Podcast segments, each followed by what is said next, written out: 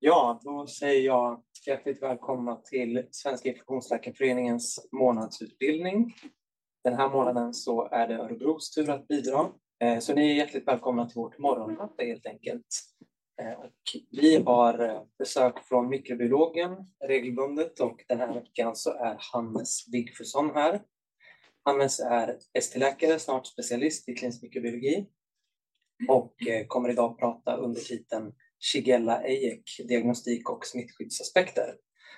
Så jag ska lämna över till Hannes, men jag tänkte också bara säga att det finns möjlighet att ställa frågor i chatten som vi kommer ta på slutet. Och vi har med både infektionsläkare och smittskyddsläkare och mikrobiologer. Så att känn er fria att ställa frågor av alla. Så jag välkommen till Hannes. Tack Edvin.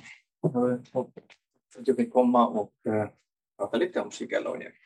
Um, ehm, om man kan säga bakgrunden till varför då fick det här uppdraget är att eh, smittskyttar ändrar lite grann sina rutiner kring hur vi hanterar Zika och EJEC. Eh, innan har det varit så att vi har hanterat dem helt olika. Eh, det vill säga det har funnits smittskyddsåtgärder kring Zika-infektioner där man har kunnat bekräfta eh, med odling Zika, men i de fall man inte har kunnat bekräfta det med odling, då, då har liksom inte funnits någonting, eller inte mycket man har gjort med dem. Um, och jag rantade mig nyligen på smittskyddet och gick igenom de Shigella-fall vi har haft och jobbade lite med den här frågan. Um, ehm, men om vi börjar på början än att eh, uh, Shigella är som sagt gram-negativa stavar uh, och de orsakar bakteriell dysenteri eller det som också kallas för shigellos.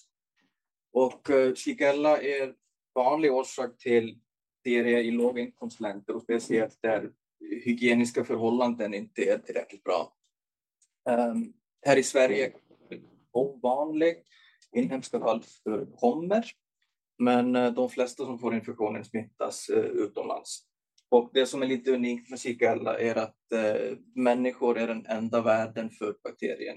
Det är inte som för EHEC och salmonella och de andra bakterierna att det finns djurvärdar, utan det är liksom människor som är reservoaren för eh, Eh, Shigella. Och det är fekal-oral smitta och eh, framförallt är det förorenat eh, mat och vatten som är smittkällan. Men Shigella är liksom ovanligt smittsam ehm, i sammanhang med liksom de gastroenteritpatogenerna. Och det krävs en ganska låg smittdos för att bli smittad, så kanske kring 10 till 100 bakterier, någonting sånt. Så möjligheten för person till person smitta finns faktiskt också. Um, och om man jämför med andra gastroenterpatogener då är det oftast kring 10 till 6 bakterier som smittar oss ner. Så det är liksom en ganska stor skillnad. Um, ehm, och om vi går in på mikrobiologin lite mer, att uh, de är som sagt gramnegativa stavar och de tillhör Enterobacterales. Um, ehm, och de är mycket nedbesläktade med E. coli. Och de är faktiskt så nedbesläktade med E. coli att um, skulle vi applicera de regler liksom, eh, vad gäller genetik som vi brukar använda för, för bakteriearter, då skulle de vara en och samma arter. Ehm, de är så pass lika. Ehm, man har däremot valt att behålla Shigella som en egen art eftersom sjukdomen är så pass etablerad, det här liksom sjukdomssyndromet eh, shigellos. Ehm, men egentligen pratar vi om samma bakterier kan man säga och det, det, det är ganska bra att liksom kom ihåg det när vi pratar om diagnostiken och de knepigheterna som finns kring det, att det, det är liksom i princip samma bakterier. Um, ehm, och de är eh, fakultativt uh, anaeroba, de bakterierna, till skillnad från E. coli är de orörliga och biokemiskt inaktiva. Um, och det utnyttjar man ganska mycket i diagnostiken. Det är så vi kan liksom säga att det är e. Shigella och inte E. coli.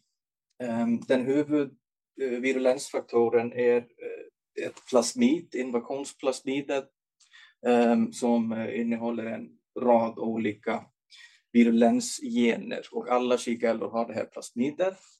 Eh, och ejek har även det här plasmidet och det kommer vi att prata om lite här sen. Ehm, det finns fyra arter av kikärla. Eh, kikärla dysenterie, kikärla flexneri, kikärla boidi och sonnei. Ehm, kikärla dysenterie är egentligen den som eh, ger mest uttalade symptom. Den kan också bilda kikatoxin och eh, därför finns det liksom risk för att man kan få hus med den infektionen. Um, men den är ganska ovanlig, speciellt i höginkomstländer. Um, ehm, det som vi ser mest här i Sverige och andra höginkomstländer är, är eller sonni. Um, ehm, eller flexner är relativt vanligt i um, ja, lite mer låginkomstländer och där kan man också få eh, spridningar av Shigella dysenteria ibland. Och eh, bilden här till höger visar lite grann hur Shigella orsakar sjukdom. Att, eh, på det här plasmidet finns det olika gener som ger det möjligt för bakterien att invadera cellerna i tarmen, eh, föröka sig in i cellerna och sprida sig. Och det här förstör cellerna och orsakar sår eller små abscesser i tarmen. Och det är det som förklarar liksom symptombilden. Um, och sjukdomen, eh, det är liksom dysenteri som är huvudsymptomet, det vill säga blodig slemmig diarré. Eh, buksmärtor kan vara ganska prominenta eh, vid kikelås och eh, ofta finns det feber också. Um, de flesta infektionerna, eller flesta patienterna blir bra på ett, inom ett par veckor, kanske i snitt någon vecka, någonting sånt som man är sjuk. Um, spridning utanför tarmen är ganska ovanlig. Um, de brukar invadera liksom, de främst för det mesta ytterligare um, ja, delen av liksom tarmslemhinnan. Så de, till skillnad från salmonella till exempel, brukar inte hamna så mycket i blodbanan eller sprida sig till andra ställen. Utan det är framförallt tarminfektion.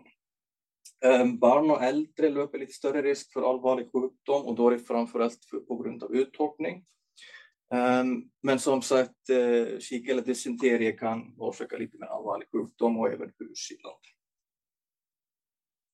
Ehm, och EIEC då. Um, EIEC är ett patovar av E. coli, det vill säga en typ av patogena E. coli. Det finns flera olika sådana ehm, um, patovar som kan orsaka uh, gastroenterit och eh, EIEC är ett av dem. Uh, de har samma virulensfaktorer och Shigella har, uh, det här invasionsplasmidet, och orsakar sjukdom på samma sätt. Ehm, det man brukar säga om EIEC är dock att de orsakar lite mer lindriga symptom och, och att de inte är lika smittsamma. Och det finns eh, liksom en del forskning, både liksom in vitro eh, forskning som visar att eh, de är sannolikt lite mindre patogena än kikärlor är. Eh, vad gäller smittsamheten, eh, dess brukar man säga att, eh, att det behövs liksom den vanliga 10-6 smittdosen. Eh, men det är egentligen bara baserat på en enda studie från 70-talet, så det ska man kanske liksom ta med lite försiktighet.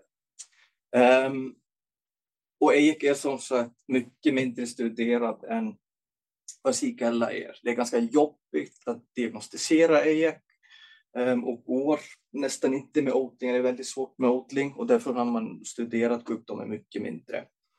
Ehm, så det, det är liksom faktiskt eh, varit lite liksom frågor kring, kring de här påståendena, att det är att de är liksom eh, mindre smittsamma och mindre patogena de senaste åren. Um, och bilden här till höger försöker visa lite grann eh, hur man kan tänka kring Shigella och Ejek. Att eh, uh, Shigella har ju liksom utvecklats från en icke patogen E. coli eller en vanlig E. coli och eh, de har plockat på sig de här olika resistens, virulensgenerna. De har också gjort sig av med en hel del gener ehm, och det är det som gör att de ser annorlunda ut än vad E. gör. Och Eje kan man tänka sig att det är, är liksom en E. som är någonstans på vägen att bli en kikella, men det har liksom inte kommit hela, hela vägen dit. Ehm. Och som sagt, det, man har tittat lite mer på den här frågan, liksom hur olika är Kikalo är egentligen? Och den här artikeln från Nederländerna har diskuterats ganska mycket i det sammanhang. Um, ehm, det här är en forskningsgrupp som har hållit på ganska mycket med Chigallo och EIEC och publicerade den här artikeln 2019. Um, ehm, och det, det, är en ganska elegant studie. De hade kring 800 patienter, någonting sånt, och um, de tittade både på bekräftade Shigella-infektioner och uh, bekräftade EIEC-infektioner och jämförde dem och tittade även på odlingspositiva Shigella-patienter eh, versus versus odlingsnegativa Shigella-patienter. Det vill säga man hade gjort ytterligare PCR-analyser och kommit fram till att proverna faktiskt, eller med stor sannolikhet, innehöll Shigella, men man hade inte liksom lyckats åtla fram den. Um, ehm, och man jämförde de här grupperna och slutsatsen var egentligen att det, det, det fanns inga jättestora skillnader mellan de här grupperna. Eh, de flesta patienter klarade sig ganska bra faktiskt. Um, och det man såg var att för Shigella då rapporterade patienterna lite fler symptom och de låg lite oftare inne och lite längre. Uh, men de här skillnaderna var ganska små faktiskt. Um, och för EIEC och odlingsnegativ Shigella då hade man symptom lite längre men ofta lite lindrigare symptom. Så, så. Um, så den här studien, och, och, jag har liksom inte hittat någon annan lika bra studie som har tittat på det här, det verkar liksom tyda på att det kanske inte är så jättestora skillnader mellan de här bakterierna. Ehm, I alla fall i vårt liksom, sammanhang, eller i vår miljö, där vi har framförallt ganska lindriga kika eller sådana infektioner. Uh, ehm, det är kanske en annan sak om man jämför med andra länder där man har en lite liksom Eh, ja, annan epidemiologi. Men här i alla fall verkar det vara stora skillnader. Um, och det här med smittsamheten har också diskuterats ganska mycket. Um, utbrott med Shigella är ganska vanliga i samband med livsmedel och så. Uh, för EIEC uh, eh, har inte riktigt varit så, men de senaste åren har man haft uh, flera utbrott med EIEC-stammar. Och bland annat ett utbrott här i Sverige. Ehm, det här är 2017 i Halland. Då var det 83 personer som insjuknade med gastroenteritsymptom efter en konferens. Och eh, tre av patienterna här är provtagna och positiva för EIEC, det vill säga man odlar fram bekräftat att det, det rörde sig om en EIEC-infektion. Och där hade man faktiskt även ett sekundärfall med, med sannolik person till person smitta vilket är ganska ovanligt. Um, och den här infektionen orsakades av uh, en AX-stamma serotyp O96H19 som är också ganska ovanlig och dök upp um, ja, någonstans där 2014 kanske något sånt och, och hade liksom innan dess inte riktigt kopplat så mycket till AX. Uh, ehm, men sen dess har man haft flera utbrott med den här stammen. Två stycken i Storbritannien, ett utbrott i Italien och ganska nyligen fanns det ett utbrott också i Danmark. Ehm, alla liksom i samband med livsmedel. Och det finns patienter i de här utbrotten som har blivit ganska sjuka. Så, um, så EIEC verkar tydligen liksom ha förmågan att orsaka utbrott också. Uh, och, och, just den här liksom stammen, det verkar som att det finns lite mer smittsamma eller mer patogena Eh, stammar, serotyper. Ehm. Och om vi går in på diagnostiken lite grann. Ehm, och då börjar vi prata om Shigella, för det, det, är liksom lättare att diagnostisera Shigella än vad det är ejek. Eh, och där har man traditionellt använt sig av odling. Um, och det man gör är att man odlar ut fecesprov på selektiv akar som selekterar fram de här Shigella-bakterierna och gör det lättare för oss att identifiera dem. Um, hittar man kolonier som ser ut som Shigella, då, då går man vidare och renodlar dem. Så behöver man göra um, biokemiska tester för att uh, se om det rör sig om en E. coli eller Shigella. Och så måste man gå vidare och serotypa um, misstänkta Shigellan då och eh, det gör man för att bekräfta att det är en shigella och man identifierar eh, genom att serotypa. Så det här är en ganska omfattande process och tar eh, liksom ett par dagar åtminstone från att man har en misstänkt koloni tills man kan säga om det är en shigella eller inte. Så det är därför det, liksom, det här är arbetskrävande och tidskrävande. eh, och anledningen till varför det tar ibland flera dagar tills man får svar på shigella Ehm, det som har hänt de senaste åren är att man har börjat använda PCR mer och mer. Eh, och, och det är liksom för det mesta är bra. PCR har högre känslighet än vad odlingen har. Ehm, det är också mycket snabbare, man får svar på några timmar istället för flera dagar. Och eh, det man som nästan alla liksom, paneler använder är IPH-genen, som är ett gen som finns på det här invasionsplasmidet. Så alla Shigella-stammar har den här genen och genen finns i flera kopior på plasmiden, så man får en väldigt hög känslig och bra PCR. Um, ehm, det som är nackdelen är att EJEC har också, har ju också den här genen. Så med PCR kan man inte säga om det rör sig om Shigella eller EJEC. Um, ja, och uh, traditionellt har man sedan gått vidare till Oatling och Oatlingen har avgjort om det rör sig, eller så har vi gjort i vårt län i alla fall, att man har använt åtlingen för att avgöra om det är en chigella eller om det är en ejek. Eh, det som är nackdelen med det är att åtlingen eh, har inte tillräckligt, tillräckligt hög känslighet för att verkligen svara på den frågan. Eh, det är oftast mellan 20 och 30 procent av PCR-positiva prover som blir åtlingspositiva för chigella. Men när man gör lite mer omfattande odling Ehm, eller ytterligare PCR eller annan diagnostik, då har man sett att det är troligen snarare 50 procent av proverna kanske som innehåller Shigella. Men man, man lyckas liksom inte alltid odla fram det. Så odlingen är liksom inte helt avgörande i frågan, är det här en Shigella-infektion eller EJEC-infektion? Um, ehm, och odling för EJEC är tyvärr ganska svår. De kan se Eh, lite mer ut som E. coli fenotypiskt, så de kan vara väldigt svåra att skilja från bakgrundsfloran. Ehm, så flesta labb utför liksom inte riktigt rutinmässigt odling för EJEC. Det går liksom att göra med PCR och sådana, men, men det är ganska bökigt, dyrt och, och eh, tidskrävande. Så det är få labb som gör det. Um, om vi går in på lite smittskyddsaspekter, för den här diagnostiken har ju ställt till det lite grann vad gäller smittskyddsaspekterna. Eh, för Shigella ingår i smittskyddslagen. Den är liksom anmälningspliktig och, och, och allmänt farlig. Um, och ehm, eh, vid fall av Shigella då måste man smittspåra och det, det gäller särskilda förordningsregler för eh, personer med riskyrke och förskolebarn. Um, och så rekommenderas det också ganska frikostig antibiotikahandling, både för att eh, förkorta symptomdurationen men, men även i vissa fall för att liksom förhindra smittspridning. Eh, vad gäller EIEC, då har man egentligen inga sådana rekommendationer. De ingår inte i smittskyddslagen och vad jag vet i alla fall finns det inga speciella liksom behandlingsrekommendationer kring dem. Um, så, det, så diagnostiken har liksom ställt till det lite grann här. Um, och det som man gjorde, om det var 2018 eller 2019, då ändrade man falldefinitionen för Shigella-fall och inkluderar nog de här PCR-positiva fallen som eh, misstänkta eh, Shigella-fall. Så de ska också rapporteras in till Folkhälsomyndigheten som misstänkta fall.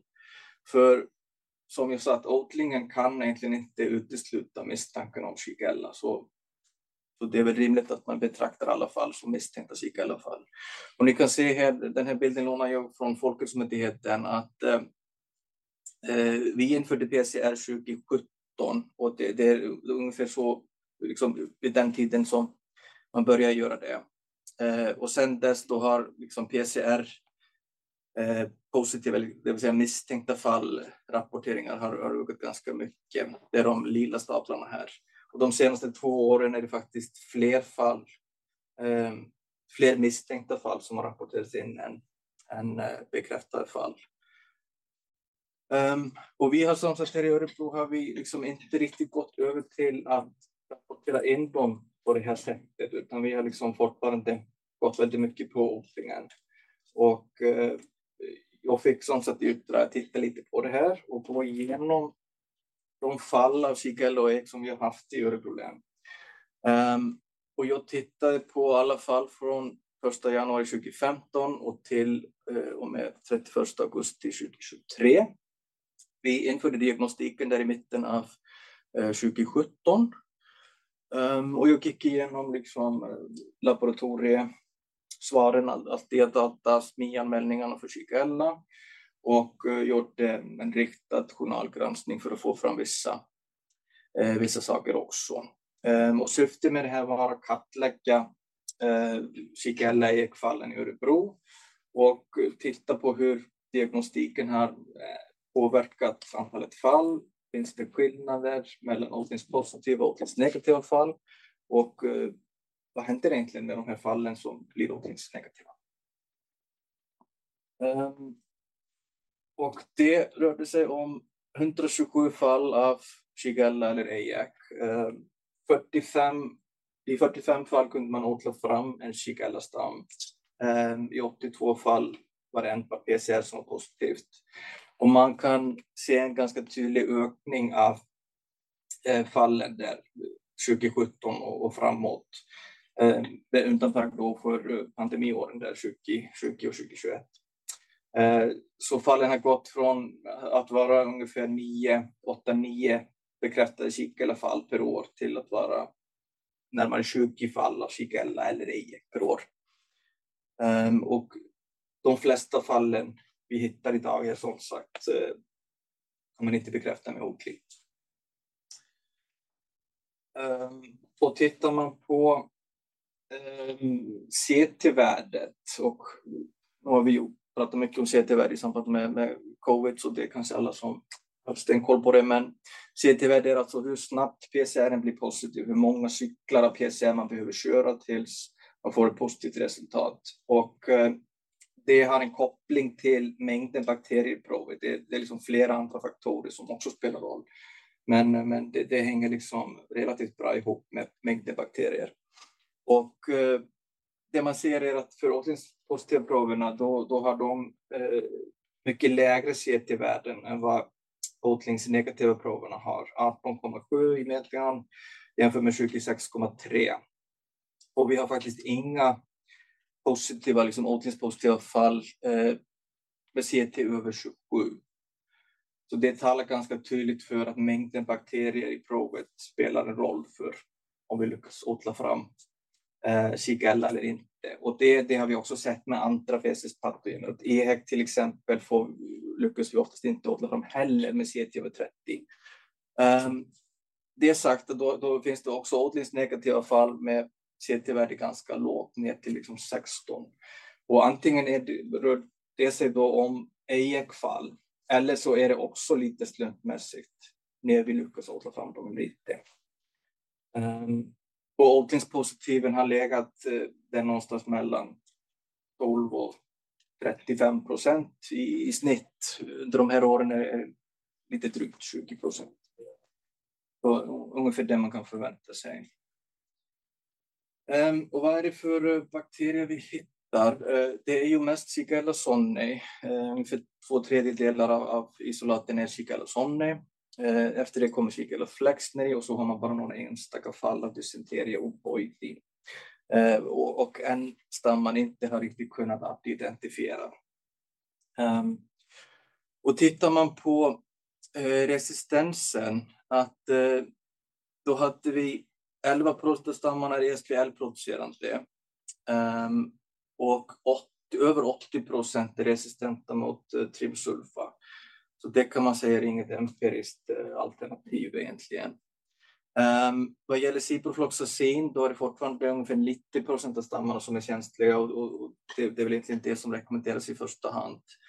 Ehm, um, Acetromycin testar vi inte på alla stammar, så det, det är nog bara nio isolat som är testade för acetromycin, men, men där är det också ungefär 90 procent känslighet.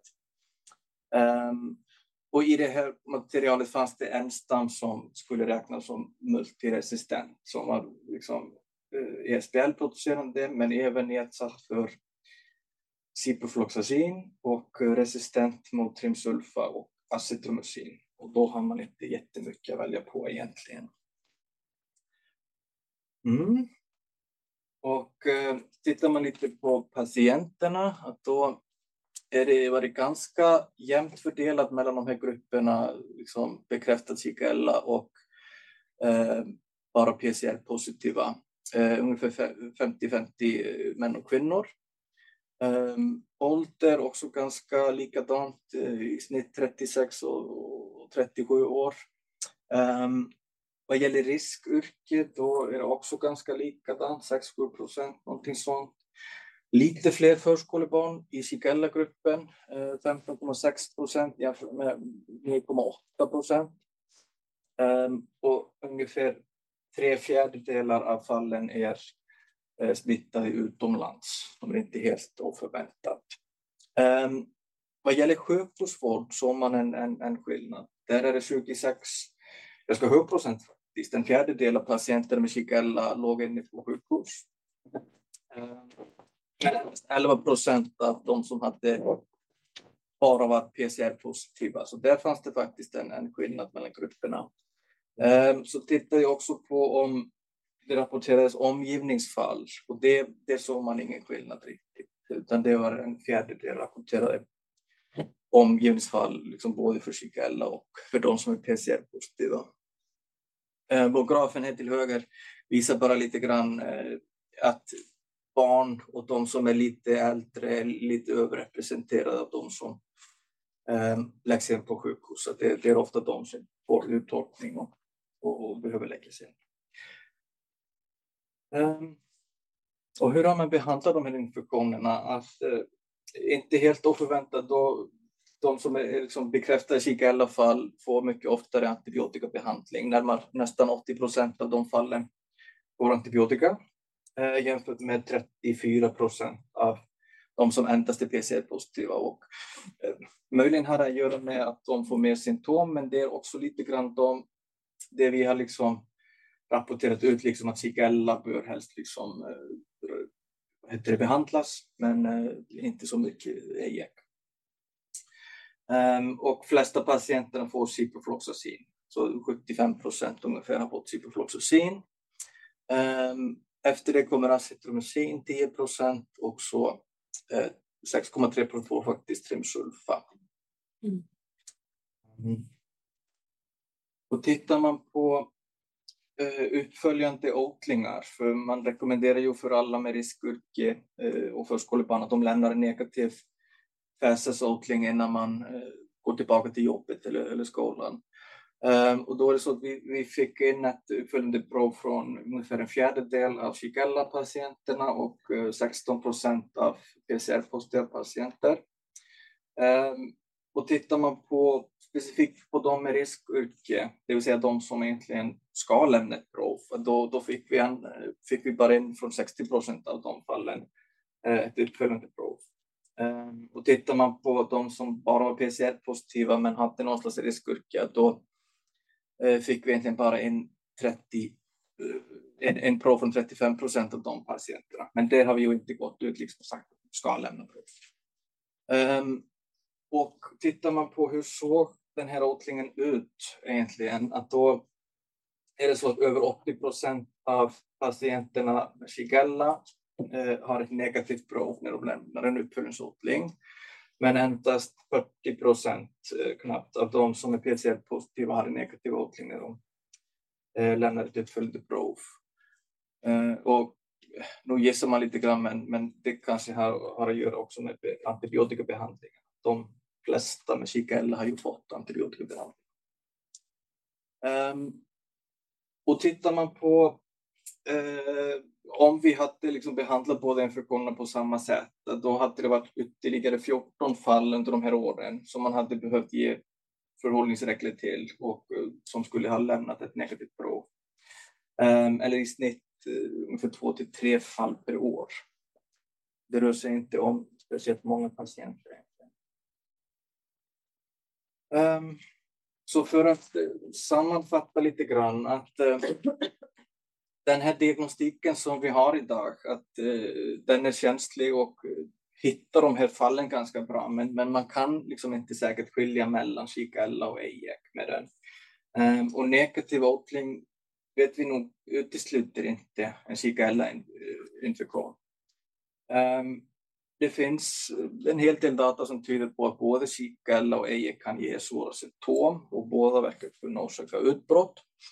Um, jag skulle nog ändå säga att tittar man på liksom, i litteraturen och det data som, som jag samlade här, att då är det nog kanske så att Shigella ger generellt lite mer symptom och lite allvarligare infektioner. Men den här skillnaden mellan grupperna verkar inte vara jättestor. Um, så vi har egentligen kommit fram till att eh, vad gäller smittskyddslagen och hanteringen av patienterna, då, då är nog säkert mest rimliga alternativet är att behandla båda infektionerna på samma sätt helt enkelt.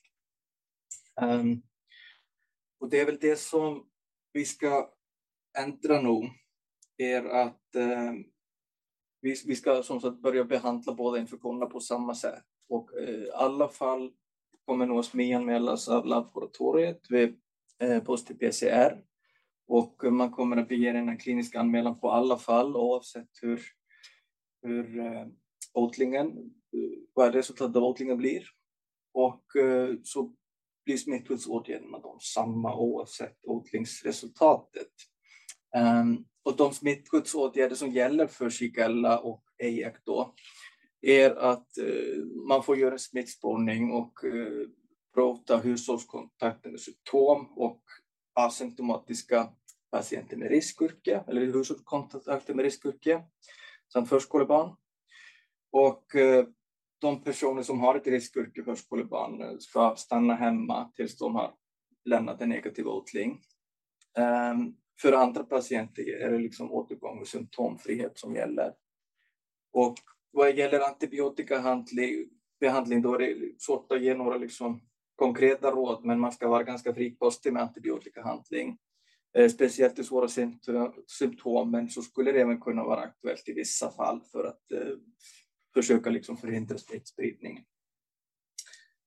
Um, ja, så det är väl det jag har att säga.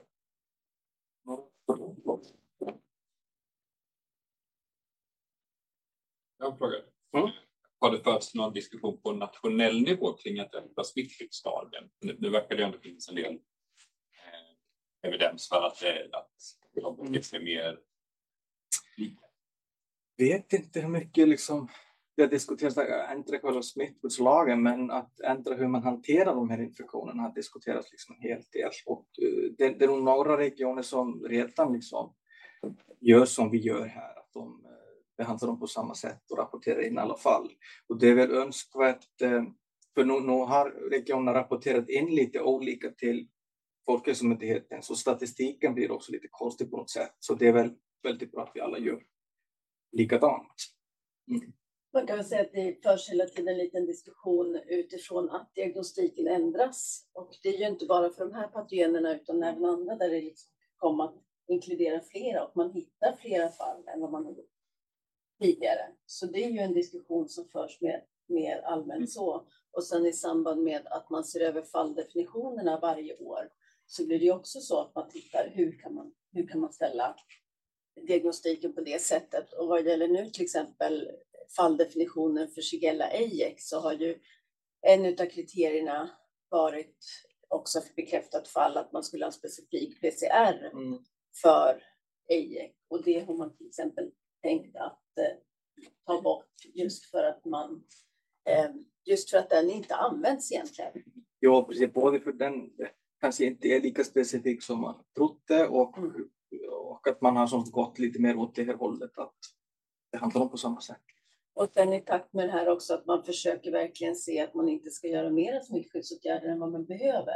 Så snarare kanske att man försöker hitta en linje vad är lagom för både Shigella och Ejek? För att nu var många av dem som man tror bara är Ejek egentligen är Shigella eller mm. det är mer samma patogen så gäller det mer att vi gör lika kanske för båda men inte för mycket. Och att man då nu ser över smittskyddsbladen och mm. mer försöker rama in vilka är det som vilka är det som verkligen har ett riskyrke och till exempel det här med hur många kontrollodlingar är det vettigt att man behöver lämna. Då har det varit skillnad att om man har antibiotikabehandlat så har en Shigella, då räcker det med en kontrollodling. Om man inte skulle ha fått antibiotikabehandling så står det i smittskyddsbladen nu att ett förskolebarn eller en riskyrke ska lämna tre kontrollodlingar. Men mer att man ser över sådana saker och ser till att ja, vi ska göra lagom mycket, men vi ska inte göra för mycket. Men samtidigt så ser vi ju här att vi nog inte kan skilja de här patogenerna åt, utan att det kanske är detsamma.